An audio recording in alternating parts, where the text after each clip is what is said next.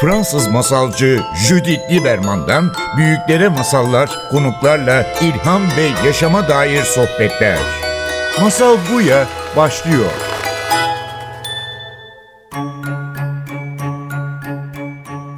Masal Buya'ya hoş geldiniz. Bugün stüdyoda Ege Sola ile birlikteyiz. Ege hoş geldin. Hoş buldum merhaba. Ve önümde senin kitabın var. Kitabın evet. adı Sakin. Birçok insana görmüş olabilir. Bugünler çok satanların arasında. Tebrik ediyorum Teşekkür sana. ederim çok mersi. Ee, sakin. Çok önemli bir konu gerçekten. Ve bizim sohbetimizi başlamak için senin kitabın ilk sayfaya okumak istiyorum. Ben kitabını zaten böyle keşfettim. Yani kitap evine gittim. Sakin dedim. Hmm, bu her zaman lazım olabilir. Açtım. Bu ilk sayfayı okudum. Şimdi okuyacağım gibi. Buyurun. Ve dedim ki bu kitabı alacağım, okuyacağım ve büyük bir ihtimalle ondan sonra onun yazarla sohbet edeceğim. ki bugün o gün. Koşmaya bıraktığımız gün, vardığımız gün. Aramaya bıraktığımız gün, bulduğumuz gün. Konuşmaya bıraktığımız gün, duyduğumuz gün bizim olduğunu sandığımız şeylerin hiçbir zaman gerçekten bize ait olmadığını anladığımız gün artık her şeyi sahip olduğumuz gün. Ve gerçekten burada bir, bir özet yani bizim konumuzu koşmak, aramak, konuşmak ve dinlemek ve aynı zamanda sahiplemek. Yani senin de e, bu yolculuğun, bu yavaşlama yolculuğunun önemli bir parçası da eşyalar, yavaş eşyalar, yavaş tasarımlar. Evet. Senin İstanbul'da çok güzel bir e, dükkanın var o, o alanda çalışan. Hı hı. Senin konun yavaş tasarım, yavaş yaşam. Nasıl başladı bu maceran? Bu maceram galiba hep varmış. Bir noktada başlamamış. Ben de bunu şimdi görüyorum aslında. Çünkü ben aslında hep yavaş yaşayan bir insanmışım. Ama bu böyle bir tanımlanmadığı sürece e, bilmiyormuşum diyeyim. Adını koyamamışım. Ee, yani üniversite eğitiminden sonra Paris'e gittim. Paris'te çalıştım. Orada çiçekçilik yaptım 5 sene. Ondan sonra İstanbul'a geldim. Bu mağazayı açtım vesaire. Ee, sonrasında işte bu kitap oldu. Zaten uzun konuşuruz hepsini ama hepsinde aslında biraz kendime daha çok vakit ayırıp iş dediğimiz şeyi hep ikinci plana almayı becermişim. Bunun nasıl olduğunu gerçekten bilmiyorum. Yani bunu özellikle yapmamışım. E, dolayısıyla bütün bu böyle uzaktan bakınca çok çalışmalı, çok yorucu, çok e, bir amaç peşinde koşuyormuş gibi görünen iş hayatımın diyeyim. E, hepsinde aslında önce ben bir kendime bakayım, bir istediklerimi yapayım. Onun dışında kalan vaktimde ama çok çalışırım gibi bir fikrim varmış. Dolayısıyla burada açtığım 2015'te açtık dükkanı. E, bu dükkanda sadece Türk ve kadın tasarımcıların ürünlerini satıyoruz ve hepsine de aslında yavaş tasarım deniyor bu. Ne demek yavaş tasarım? Ne demek şu demek aslında bu yavaş yemekle slow foodla ortaya çıkan bir akımın küçük dallarından biri yavaş tasarım. Yavaş yaşam da buna dahil. Yavaş tasarım var. Yavaş ebeveynlik bile var. Aslında bu tamamen biraz daha şimdi çok moda olan bu farkındalık kelimesinin altında da açılabilecek bir durum. Yavaş tasarımı öncelikle özetlemek gerekirse bir kere fabrikasyona ve seri üretime karşı bir duruş bu e, yavaş yemekte nasıl fabrikasyon yemeklere karşıysa ve elde yapılan anneannelerimizin yaptığı yemekleri destekliyorsa bu da biraz öyle bir bakış açısı. Bizim mağazada e, sattığımız tüm ürünler kadın ve yerel üreticilerin olmasının yanı sıra ki yerellik de bu noktada çok önemli bu yavaş tasarımda. E, hepsi elde yapılıyor. Hepsi tek tek yapılıyor. Üzerlerindeki hata, kırık çıkık vesaire veya defo diyebileceğimiz şeyler hiç sorun olmuyor. Bunu mağazaya gelen müşterilerimize de özellikle söylüyoruz. Çünkü tabii ki göz pek alışık değil bazen böyle böyle seramik bir taban kenarında bir kırık çıkık ufak bir böyle bir defo görmeye. Biz bunu hep söylüyoruz bunlar bunların hataları değil. Defo hepimizde var her şeyde var ürünlerde de var. E, dolayısıyla bunu böyle kabul edeceğiz. E, yavaş tasarım bunu da mesela çok arkasında duran ve kıymet bilen bir şey aslında biraz da. Aslında çok önemli yani çünkü yavaş yaşamla birlikte şey vardı.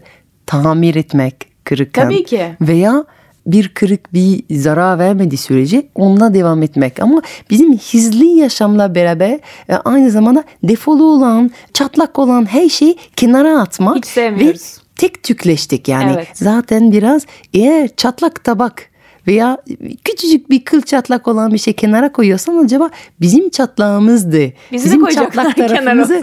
yani çünkü yani bizim böyle özel yapan, bizi e, farklı yapan, evet. bizi insan yapan şey biraz bu çatlak değil mi yani? Mutlaka, mutlaka. Biraz değil çoğunlukla öyle. Yoksa hepimiz birbirimize bir noktada çok benziyoruz ama bizi birbirimizden ayıran önemli evet ve bence artılarımız da hani çok eksi gibi dursa da işte bu çatlaklarımız, kırıklarımız, zamanın bizim üzerimizde bıraktığı etkiler, lekeler. Benim annemin dolabında bir tane e, çanak var. Porselen, beyaz bir çanak ve yani iki kere bakmazsın ona. Ama ikinci kere bakmanın tek sebebi şu. Dev bir çatlağı var. Yani boydan boya siyah böyle. Ve altına baktığın zaman iki tane metal kepçe bu çatlağı kapatmış. Ve ben baktığım zaman dedim ki anne bu nasıl olabilir yani bu sanki zimbalamış bir yani kim bunu yapmış olabilir dedi ki eskiden köylere gelen e, seramikleri tamir eden sana vardı böyle bir meslek vardı ve çatlak seramin tabii ki o zaman U yapıştırıcı özel böyle Japon yapıştırıcılar olmuyordu. İnsanlar nasıl tamir edeceklerdi? Gerçekten özenli bu meslek yapan metalla tamir eden bir iş vardı. Tabii. Ve bu seramik herhalde 80-100 sene önce tamir edildi ve hala bizim evimizde kullanılıyor. Ve baktığım zaman bu defa yani inanılmaz değerli oluyor. Çok, tabii. Çünkü demek ki o zaman o kadar değerliydi. Bugün be- beyaz porselen bir kase kırıksa hiç kimse onu tamir etmeye bile uğraşmaz. Ama burada işte tamir edildi demek ki çok değer verildi. E 80 önce çok değer verildi ve hala bizimle beraber o zaman gerçekten inanılmaz değer kazandı. Ve Japonlar da buna inanıyorlar. Yani böyle bir Kintsugi. sanat var. Evet. Evet. Yani seramikler çatlıyor sonra onları altına Evet. ve özenle tamir ediyorlar. Kırılmış ve tamir edilen bir obje hiç kırık tanımamış bir objeden çok daha değerli olduğunu. Çünkü işte o biraz yaşanmışlık yani. O kintsugi zaten artık çok bildiğimiz bir konsept olmaya başladı hayatımızda. İşte o kırıklar, kırıkları yapıştırmak, kırıkları altınla yapıştırmak aslında hani adi bir uhuyla da değil, altınla yapıştırmak o kırığa verilen de değer bir noktada. Bizim kendi kırıklarımıza da aynı değeri veriyor olmamız gerekiyor. Yani işte yavaş tasarımdan konu nerelere geliyor aslında ama aslında her şey bir bir bütün, bir bir düşündüğümüz zaman bu bu bu fikirlere, bu anlayışa biraz girdiğiniz zaman yavaş tasarımı da destekliyor oluyorsunuz. Bir yandan kırıklara da sahip çıkmaya başlıyorsunuz. İşte hırkanın bir tane düğmesi koptu diye o hırkayı kenara atmıyorsunuz. İşte bu bu sefer wabi sabi'ye giriyor. Wabi sabi ne diyor? İşte doğadaki her şey zaten bir noktada hem mükemmel hem mükemmellikten uzaktır. Senin hırkan da aslında işine yarıyor mükemmel bir şekilde ama bir yandan da düğmesi de kopuksa mükemmellikten uzak. Okey doğadaki her şey böyle. Biraz hepsi bir aslında bunların. Evet çok güzel gerçekten ve eşyalara nasıl davrandığımızı bizim kendimize nasıl davrandığımızı biraz yansıtıyor. Tabii. Yani eğer bir pantolon, bir hırka, bir e, çanak tamir edecek zamanımız yoksa o zaman demek ki büyük bir ihtimalle kendimizi tamir etmeye zamanımız Evet, yok. çok doğru. Yani kendimize gereken uyku, besin, zaman, ilgi ve çevremizde ailemize, sevdiklerimize de aynı şeklinde. Yani zaman yavaşlamak gerçekten birçok ilaçların yerine geçebiliyor. Mutlaka tabii Evet. ki. Yani şimdi e, senin giriş noktan aslında önce çiçekler. Evet. Paris'te çiçekler. Bu da Evet. çok ilginç değil mi? Yani yani çiçekler, çiçeklere bakmak, çiçekçilik yapmak sana yavaşlığa dair ne öğretti? Belki de hepsini o öğretti. Şimdi düşündüğümüz zaman yani hmm, bir yandan çiçekçilik hani dışarıdan çok romantik ve tatlı ve eğlenceli gibi görünür ama aslında içeride çok yorucu ve insanı gerçekten yıpratabilecek bir iş. Dolayısıyla orada da biraz dengede durmanız gerekiyor. Çünkü o işin içine de kaptırırsınız. Aslında her iş gibi. Ama fiziken de çok çalıştığımız bir iş bu. Orada da biraz kendimizi hatırlamamız ve yani bu iş bitmeyecek ben eve gidip uyuyayım demek gereken zamanlar çok oluyor. 9-5 bir işte olmadığı için kendim bir dükkanda döndürdüğüm için orada da mutlaka kendimi tabii ki hatırlamam gerekti çok uzun zaman. E Paris'te bu işi yaptım. Paris'te yaptığınız zaman aslında Paris'te yapmak da bence bana çok yardımcı oldu. Çünkü belki bu işe burada başlasaydım İstanbul Paris'ten bir sürü anlamda farklı bir şehir ama burası çok daha hızlı bir şehir ve belki burada ayakta kalabilmek için çok daha hızlı çalışacaktım. Paris'te tabii ki orada bir maaşlı bir elemandım bir dükkanda. Dolayısıyla orada da dışarı çıktığım zaman bir anda hayatı yavaşlatıp dükkanda bırak kaosu arkamda bırakıp yine kendi hayatıma dönebilme şansım oldu. Yani çiçeklerle sınırlandırmayalım. Sadece doğa zaten size her şeyi öğretiyor. Yavaş kalmayı da öğretiyor, sakin olmayı da öğretiyor. Kaosu da öğretiyor ama kaostan çıkabilmeyi de öğretiyor. Veya her kaosun bittiğini de gösteriyor. Her fırtınanın bittiğini de gösteriyor. Ya bu çok önemli bir bir şey hatırlatıyorsun yani ben ben de Parisliyim ve Evet. İstanbul'da yaşıyorum uzun zamandır ve tabii ki İstanbul yani İstanbul dünyadaki birçok şehirlerden çok daha hızlı zaten. Evet. Ama bu yavaşlamanın önemli bir tarafı çok önemli bir şey söyledin. Dedin ki bu iş bitmeyecek. Ben evime gideyim. Ve bence Fransa'dayken ya da Paris'teyken yani o da sonuçta büyük bir şehir. Onun da çok işi Tabii. var. Ama Parisliler o konuda çok iyi. Bak, saate bakarlar ve derler ki tamam Evet. bu iş bitmeyecek. Hayat ama bekleyemez. O yüzden kilit ve diyorlar ki yarına kadar bu iş yok. Aynen öyle. Onu konuşmayacağız. Eğer Paris'ten çıkıyorsan Fransa'nın başka şehirlerde gidiyorsun insanlar onu öğle yemeğinde de yapıyorlar. Çok şaşırtıcı oluyor. Hele İstanbul tanıyan veya Evet. e, Türkiye. Yani öğlen geliyor saat 12 ve birden bütün dükkanlar, Evet. kepenkler indiriyor ve insanlar 2 3 saat boyunca yemek yemeye gidiyorlar. Çocuklarla birlikte buluşmaya gidiyorlar. Çocukları okuldan alıyorlar. Onlara güzel bir mola veriyorlar. Sonra hayat tekrar devam ediyor. Çünkü bitmiyor. iş bitmiyor. Yani geçenlerde bir arkadaşımla konuşuyorduk. Ben mesela dedim ki ben akşam saat 7'den sonra tanımadığım telefon numaraları, yani numaraları açmıyorum cep telefonumda. Çünkü benim hep ulaşılabilir olmam gerekmiyor. O cep telefonuna her zaman bakmak zorunda değilim. Ve bunu mesela bana çok imkansız gibi dinlediler. Tabii ki farklı işler yapıyoruz. Tabii ki bazılarının telefonu akşam daha çok çalıyor ve tabii ki belki de açmaları gerekiyor. Benim de açmam gerekebilir. Elbette buna bir itirazım yok. Fakat biraz da biz çok kolaya kaçıyoruz. İş bitmiyor diyoruz. Ya İş tabii ki bitmiyor. Belki de yalan söylüyoruz kendimizi yani. Ben ben de biraz öyleyim yani. Tanınmayan telefonları çok zor açarım. Böyle önce bir mesaj beklerim de. kimdir. İşte e, belli bir saatten sonra telefona bakmam. Ve bazı insanlar diyorlar ki ya nasıl olur ama saat belli bir saatten sonra nasıl telefonuna bakmazsın ya da yani birçok işlerim boyunca odaklanmam gerekiyor diyerek telefonu evde bırakıyorum ve çıkıyorum. Evet. Ve ama ya biri arasa hep şey diyorum ben itfaiyeci değilim. Yani benim işimde aciliye acil hiçbir şey yok. Evet. Yani hiçbir iş anında yetiştirmem gerekmiyor. Evet. O yüzden yani büyük bir ihtimalle konu neyse aslında zannediyoruz ki bekleyemiyor ama bekleyebiliyor. Mutlaka bekliyor. Neler bekliyor? Şimdi ki. bizi çok önemli bir konuya getiriyor yani. Hayatımızda iki tane alan var. Acil alan var, bir de önemli alan var. Ve bence benim yani bu yavaşlama hareketin en önemli tarafı bu. Eğer sürekli hızlı gidiyorsak demek ki hayatımızda sürekli acil olanın peşinde gidiyoruz. Yani şu an iki şey var önünde. Biri senin için çok önemli, biri çok acil. Belki önünde bir dost var ve uzun zamandır görmedin ve çok güzel bir sohbeti noktasındasınız. Bir telefon çalıyor. Telefon çaldığı için bize bir acil hissiyatı veriyor. Evet. Ama aslında belki tanımadığın bu kişi belki bir satıcı olabilir. bile. Aynen öyle, Hepimiz tabii. böyle bir reklam açıyoruz.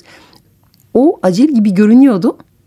Ama esas önemli olan önümüzde bir sohbet vardı ve kaç kere acile cevap vermek için önemliyi unutuyoruz ve bu hayatımızı tabii ki çok boşaltıyor. Tabii. Anlamdan fakirleştiriyor. Kitabında yani gerçekten Sakin kitabında bize bir sürü yol öneriyorsun. Bir sürü bu konu üzerine düşünmemiz gerekiyor gerçekten. Biraz böyle örneği ihtiyacımız var.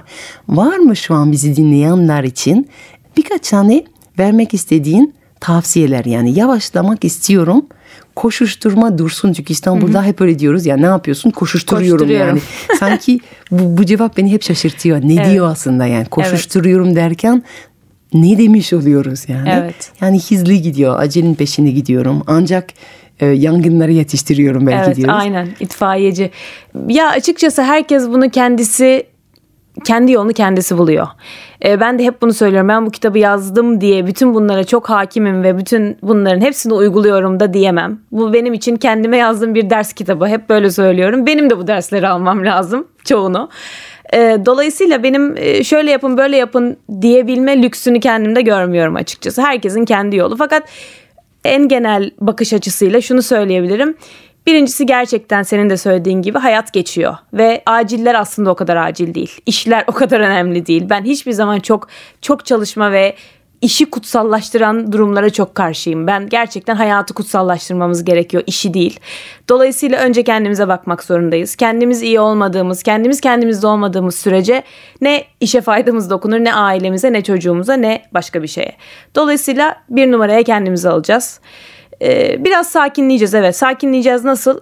hiçbir şey olmuyorsa günde 10 dakika 15 dakika biraz kapıyı kapatıp artık nerede yapabiliyorsak bunu iş yerinde evde bir kapıyı kapatıp bir kendimizle kalacağız. Bir sessizleşeceğiz. Bugün ne hissettim, ne düşündüm, ne istiyorum, ne istemiyorum. Bunları düşünmek bile veya hiçbir şey düşünmemek bile ki o çok daha iyi aslında. Ama olmuyorsa biraz sakin ve sessiz kalmaya hepimizin ihtiyacı var. Çünkü hep bir ses, hep bir dürtü, hep bir stimülanlar var etrafımızda. Dolayısıyla kendimize kalmak zorundayız her şeyden önce en önemli olan kendimiziz. Ee, devamında biraz da kendimizi olduğumuz gibi de kabul etmemiz gerekiyor. Hani ben çok koşturuyorum o zaman ben bunlara dahil olamıyorum demek de kötü. Sen de böylesin. Sen de kendini böyle kabul et. Böyle sev. Bu da çünkü aslında çok şeyin başı. Hiçbirimiz demeyeyim ama çoğumuz kendimizi olduğumuz gibi olduğu haliyle kabul edemiyoruz. Hep bir şeylerimizi değiştirmeye çalışıyoruz. Ben de dahil. Fiziki veya mental veya başka türlü. Biraz da kendimizi olduğu gibi kabul etmemiz gerekiyor. O yoldan, olduğumuz insanın yolundan bir yola çıkarsak hepsi kolay, hepsi mümkün. Çok güzel. Ege Solay çok teşekkür ederim. Ben teşekkür ederim. Bugün bu sohbetten ben heybemde bu sözü atmak istiyorum. İşi değil hayatı kutsallaştırmamız gerekiyor. Yani kutsallaştıralım, kutlayalım da aynı Mutlaka, zamanda. mutlaka. E, ona alan açalım. Çok teşekkür ederim teşekkür bu sohbet ve Sakin kitabı tavsiye ediyorum herkese. Çok teşekkürler.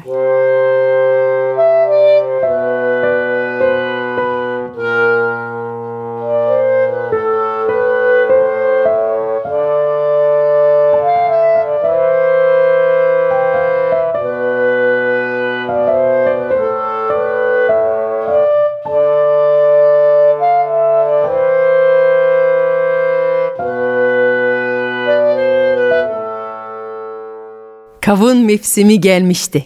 Herkes Bilge Hoca'nın kavunu çok sevdiğini biliyordu. Köylüler genellikle ilk kavunlar olur olmaz getirirlerdi. O nedenle okula gelecek ilk kavunlar heyecanla bekleniyordu. Sonunda bir gün yaşlı Bilge yüzünde çocukça bir tebessümle onu sohbet için bekleyen talebelerinin yanında geldi. Bugün sohbette kavun var diyerek mevsimin ilk meyvelerini öğrencilerin arasında paylaştırıp her birine kendi eliyle bir dilim uzattı. Tadına bakın, güzel mi? diye sordu. Bütün öğrenciler hep bir ağzından çok tatlı ve lezzetli olduğunu söylediler. Birden bir talebe, Hocam, lezzet kavunda mı bulunur yoksa ağızda mı? diye sordu. Bunu duyan öteki talebeler hemen hoca tarafında fark edilmek için bu soruya atlayıp bir cevap verdiler. Biri kavunda olduğunu iddia etti. Ancak bu sayende aynı kavunu yiyenler aynı fikirde olabilirlerdi. Başka biri tam tersine dilde olduğunu söyledi. Sonuçta tadı hisseden oydu. Hatta yenmemiş kavunun tadı olmadığını bile iddia etti. Yine başka bir tanesi tadı aslında kavunun ve dilinin birleşiminden doğduğunu söyledi. Bir öğrenci tat beyinde algılanır derken başka bir öğrenci esas kalp algılar dedi. Birden hoca yüksek sesle bütün bu tartışmaları kesti. Susun. Kavun güzel. Sadece yiyin. Fransız masalcı Judith Lieberman'dan büyüklere masallar, konuklarla ilham ve yaşama dair sohbetler. Masal Buya sona erdi. Programın tüm bölümlerini ntvradio.com.tr adresindeki podcast sayfamızdan dinleyebilirsiniz.